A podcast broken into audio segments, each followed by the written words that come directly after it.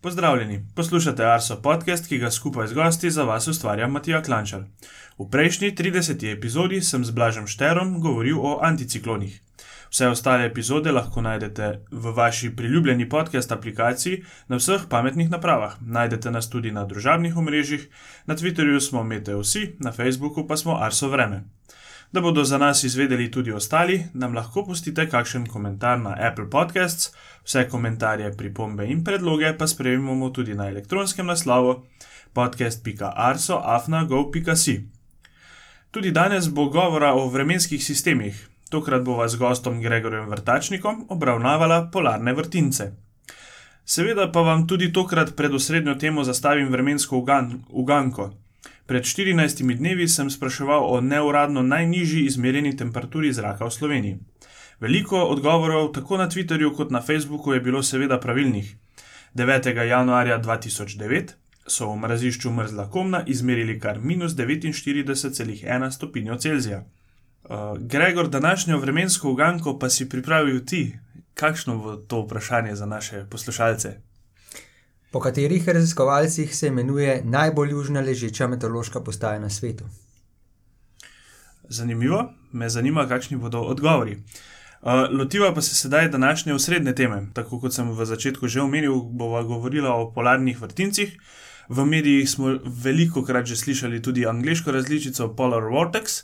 Uh, in me pa za začetek zanima, če lahko razložiš, kaj polarni vrtinci sploh so. Polarni vrtinci se v medijih pojavljajo običajno, zlasti v ZDA, takrat, ko pride do odora zelo hladne zračne mase iznad Kanade nad ZDA, imajo zelo, zelo hud mraz, včasih tudi obilno sneženje. V strokovni literaturi pa najdemo tri različne razlage tega pojma, se pravi polar vortex v angleščini, v slovenščini lahko temu rečemo polarni vrtinec. In sicer tukaj ločimo najprej na pojav v troposferi, v spodnjem delu zraka, nekako do višine 10 km, in pa na tisto, kar se dogaja nad tem v stratosferi. Gre za dve različni zadevi. Če gremo najprej v stratosfero, to na višini nekaj 10 km, uh, imamo v zimskem uh, času, v zimskem delu leta, nad, uh, tako nad severno kot nad južno poloblo, uh, območje močnih zahodnih vetrov, ki so najmočnejši približno, približno na 50-60 stopinj uh, geografske širine. Uh, in v, te, v tem območju, se pravi znotraj tega območja, zelo hladno zračno maso. Včasih se zgodi, da se uh, ta vrtinec razbije na dva dela, ali pa se smer vetra celo obrne. Takrat govorimo o močnih utoplitvah, tako imenovanih nenadnih stratosferskih utoplitvah. S tem je pogosto povezana tudi sprememba vremena v spodnjem delu zraka, se pravi v troposferi. Se pravi, ko imamo uh, zelo hitro segretje uh, stratosfere nad polarnimi območji po zimi, uh, pogosto pride do dora hladnega zraka, bodi si nad Severno Ameriko ali pa nad Eurazijo, ni pa nujno, ker so procesi v stratosferi samo delno povezani s tistim, kar se dogaja v, v troposferi, oziroma je ta uh, povezava precej zapletena. Uh, drugi, oziroma tretji pomen tega polarnega vrtinca pa najdemo v troposferi. Uh, polarni vrtinec uh, lahko uh, v splošnem označuje območje znotraj vetrovnega stržena, ki se nahaja na približno 45 stopinj geografske širine, se pravi, gre za, tu gre za stik dveh zračnih mas, polarne in pa uh, subtropske zračne mase. Uh, ker je uh, polarni zrak uh, bistveno hladnejši od tega, ki se nahaja v bližini ekvatorja, uh, ta temperaturna razlika povzroči seveda tudi veliko razliko v gostoti zraka. No, in zaradi tega pride do neravnovesij na uh, neravnovesje v zračnem tlaku, nekje na okrog 45 stopinj geografske širine, in na tem območju zato pihajo močni zahodni, prevladujoči zahodni vetrovi, ki jim v višinah pravimo vetrovni stržen oziroma jet stream po angliško.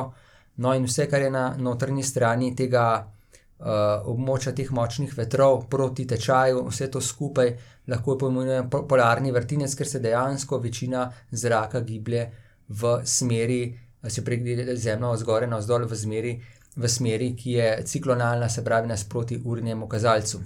to pomeni, da pihajo bolj ali manj zahodniki. Zdaj, ta polarna fronta valuje proti severu ali jugu, to, to se pravi ta polarni, tudi vetrovni stržen. In kadar seže bolj proti jugu, smo pod vplivom, recimo v Sloveniji, pod vplivom polarne zračne mase, kadar se ta premakne proti severu, smo pod vplivom subtropske zračne mase in, od, in to nihanje povzroča v, v resnici glavnino vremenskega dogajanja v zmernih geografskih širinah.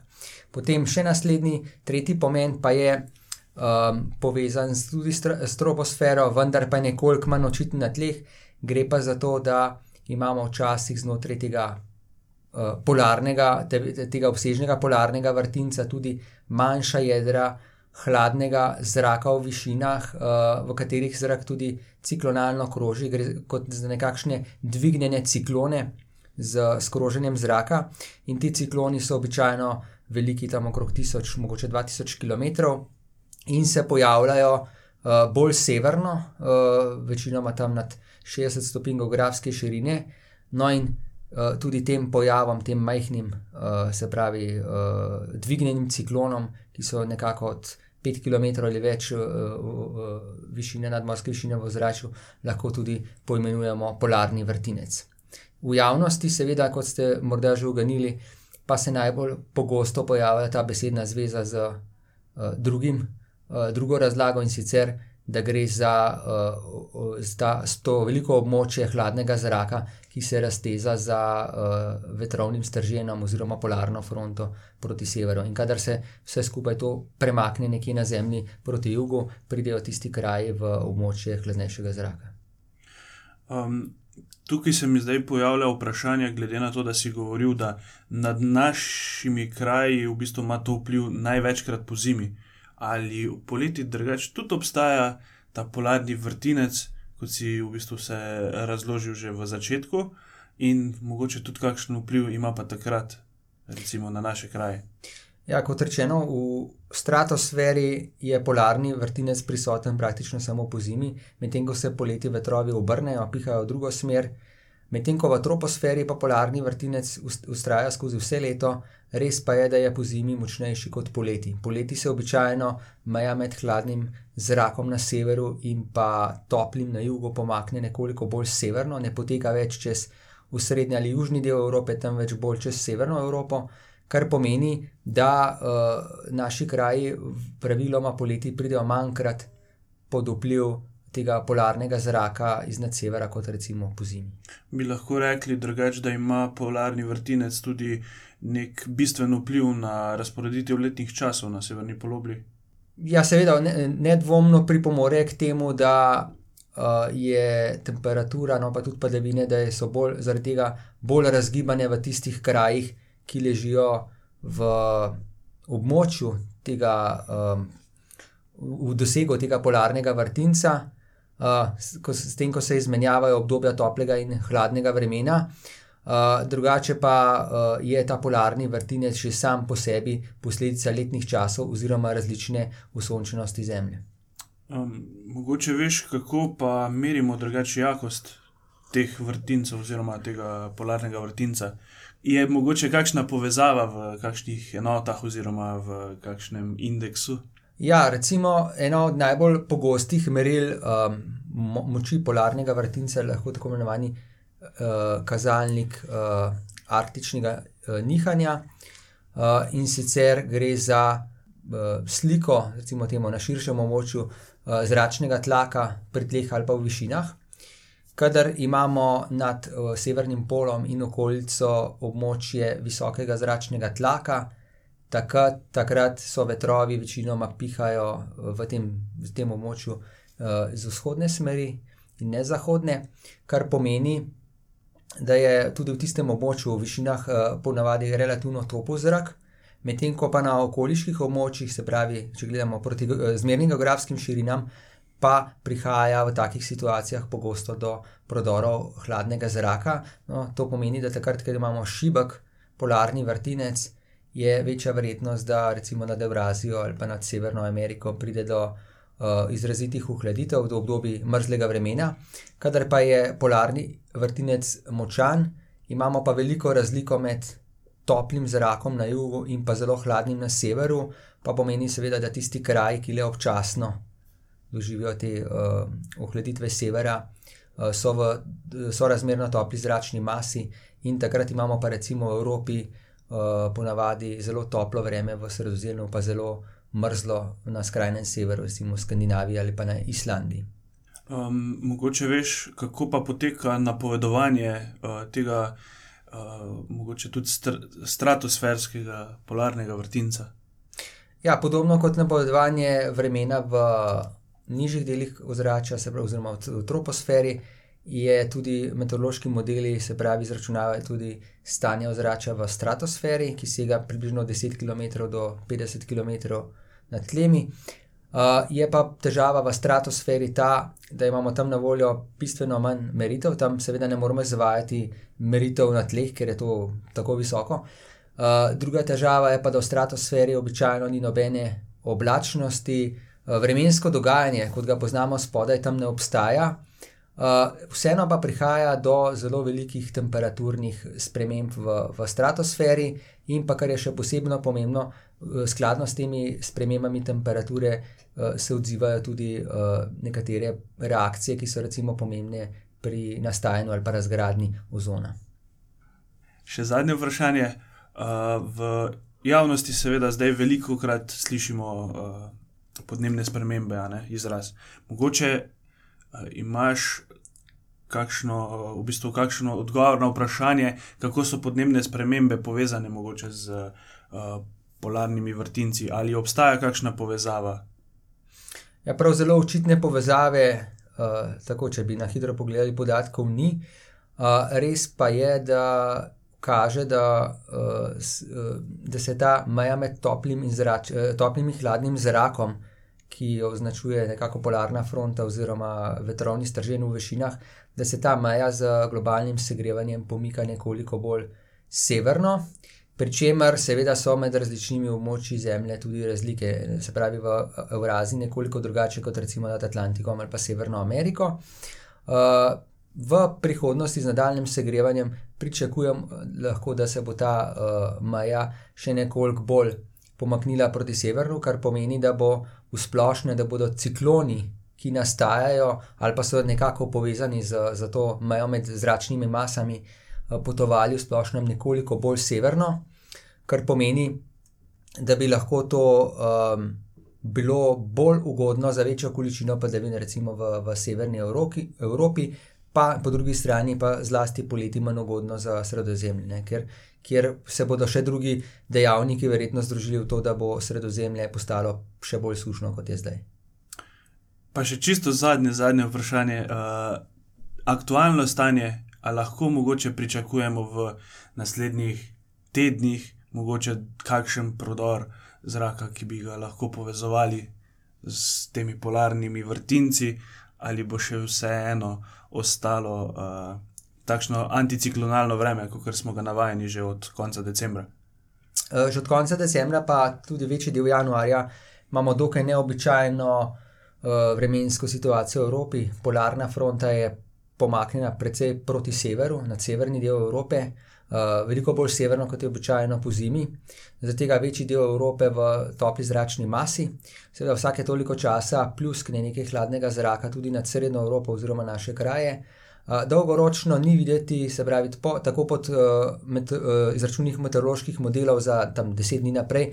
Kot tudi pri, recimo, temu sezonskih napovedih, ni videti, da bi se situacija bistveno spremenila. Uh, Uh, vendar bomo pa težko, težko prestali, recimo, drugi del zime, brez da bi prišlo do kakšne izrazite uhladitve. Se pravi, da, bi te, da bo ta polarna zračna masa udrla na, na naše območje in da bi prišlo do močnejše uhladitve.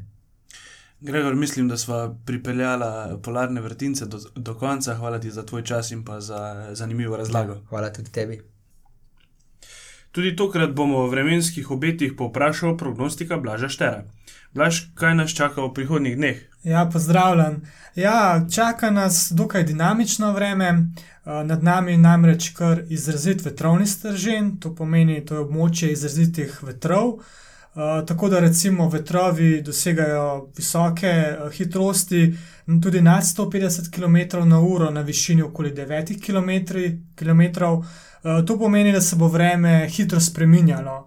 Uh, že sedaj, recimo po noči, nas bo prešla hladna fronta in ta bo jutri, se pravi v sredo, uh, že nad Črnim morjem, tako da dokaj hitro se bo pomaknila čez cel Balkan. Uh, vse do konca tedna pa bo predvsem milo za ta čas, pa tudi v začetku prihodnega, ne kaže na, večjih, uh, na večjo spremembo.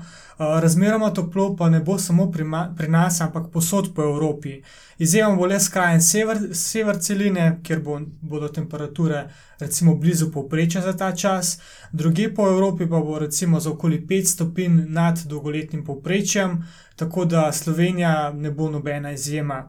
Nad Severnim Atlantikom se držuje območje nizkega zračnega tlaka, gre za obsežen ciklon in ta ciklon nekako nad Evropo dovaja, oziroma ta cirkulacija um, pomeni, da imamo nad Evropo zahoden tok um, in ta vlažen, oziroma topo-atlantski tok um, bo dosegel celotno Evropo, skoraj da.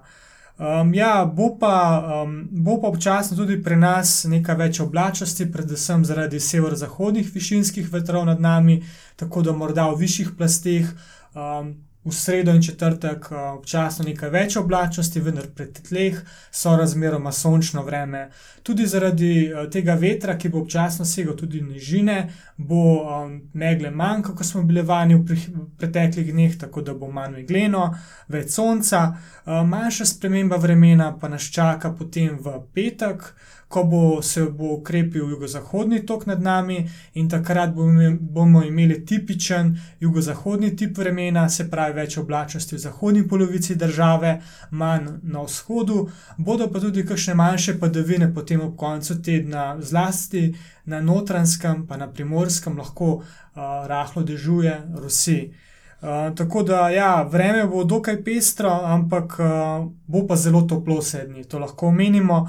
Um, le v četrtek bodo temperature padle pod lediščem zjutraj, potem pa bo v glavnem um, tudi jutra, bodo dokaj topla, čez dan pa še bolj, seveda, um, temperature bodo nekje od 10 do 15 stopinj, čez dan najviše dnevne temperature. Na vzhodu pa lahko pričakujemo, da bo ob koncu tedna tudi nad 15 stopinj.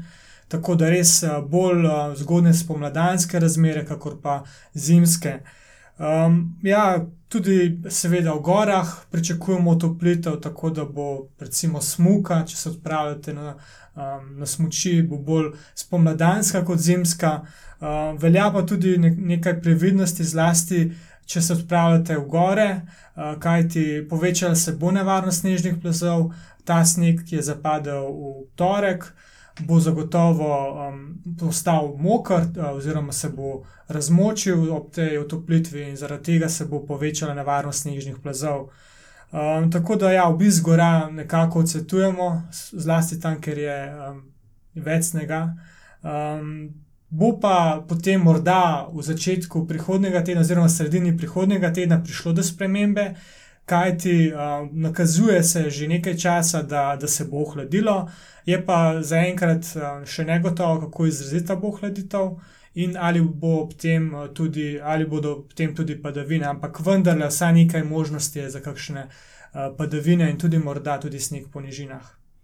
Tako da spremljajte naše vremenske obete, ki jih pripravljamo, naša ekipa podcasta, tudi na Twitterju pod hashtagom uh, obeti, ja. uh, kjer vas bomo v bistvu tudi vsako, vsak četrtek um, obveščali o poteku vremena za vikend in pa mogoče v prihodnjem tednu.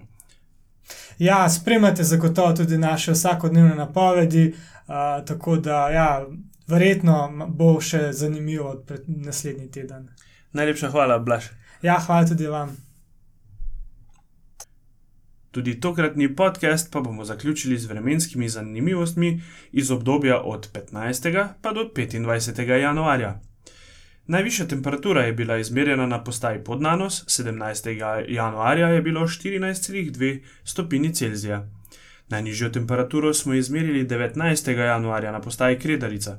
Temperatura se je spustila do minus 14,4 stopinje Celzija. Najhitrejši sunek vetra smo izmerili na postaji Slavnik, 20. januarja je pihalo s hitrostjo 95 km/h. Padavin v obdobju od 15. do 25. januarja ni bilo veliko. Največ v enem dnevu jih je 19. januarja padlo na postaji predel 6 mm. Za konec pa še podatki o najbolj sončnih postajah. V celotnem obdobju so največ sončnih ur zbrali na postaji v Vedrijanu 61 ur in 24 minut. Najbolj sončen dan pa je bil 23. januar, ko je na postaji Slavnik sonce sijalo 8 ur in 48 minut.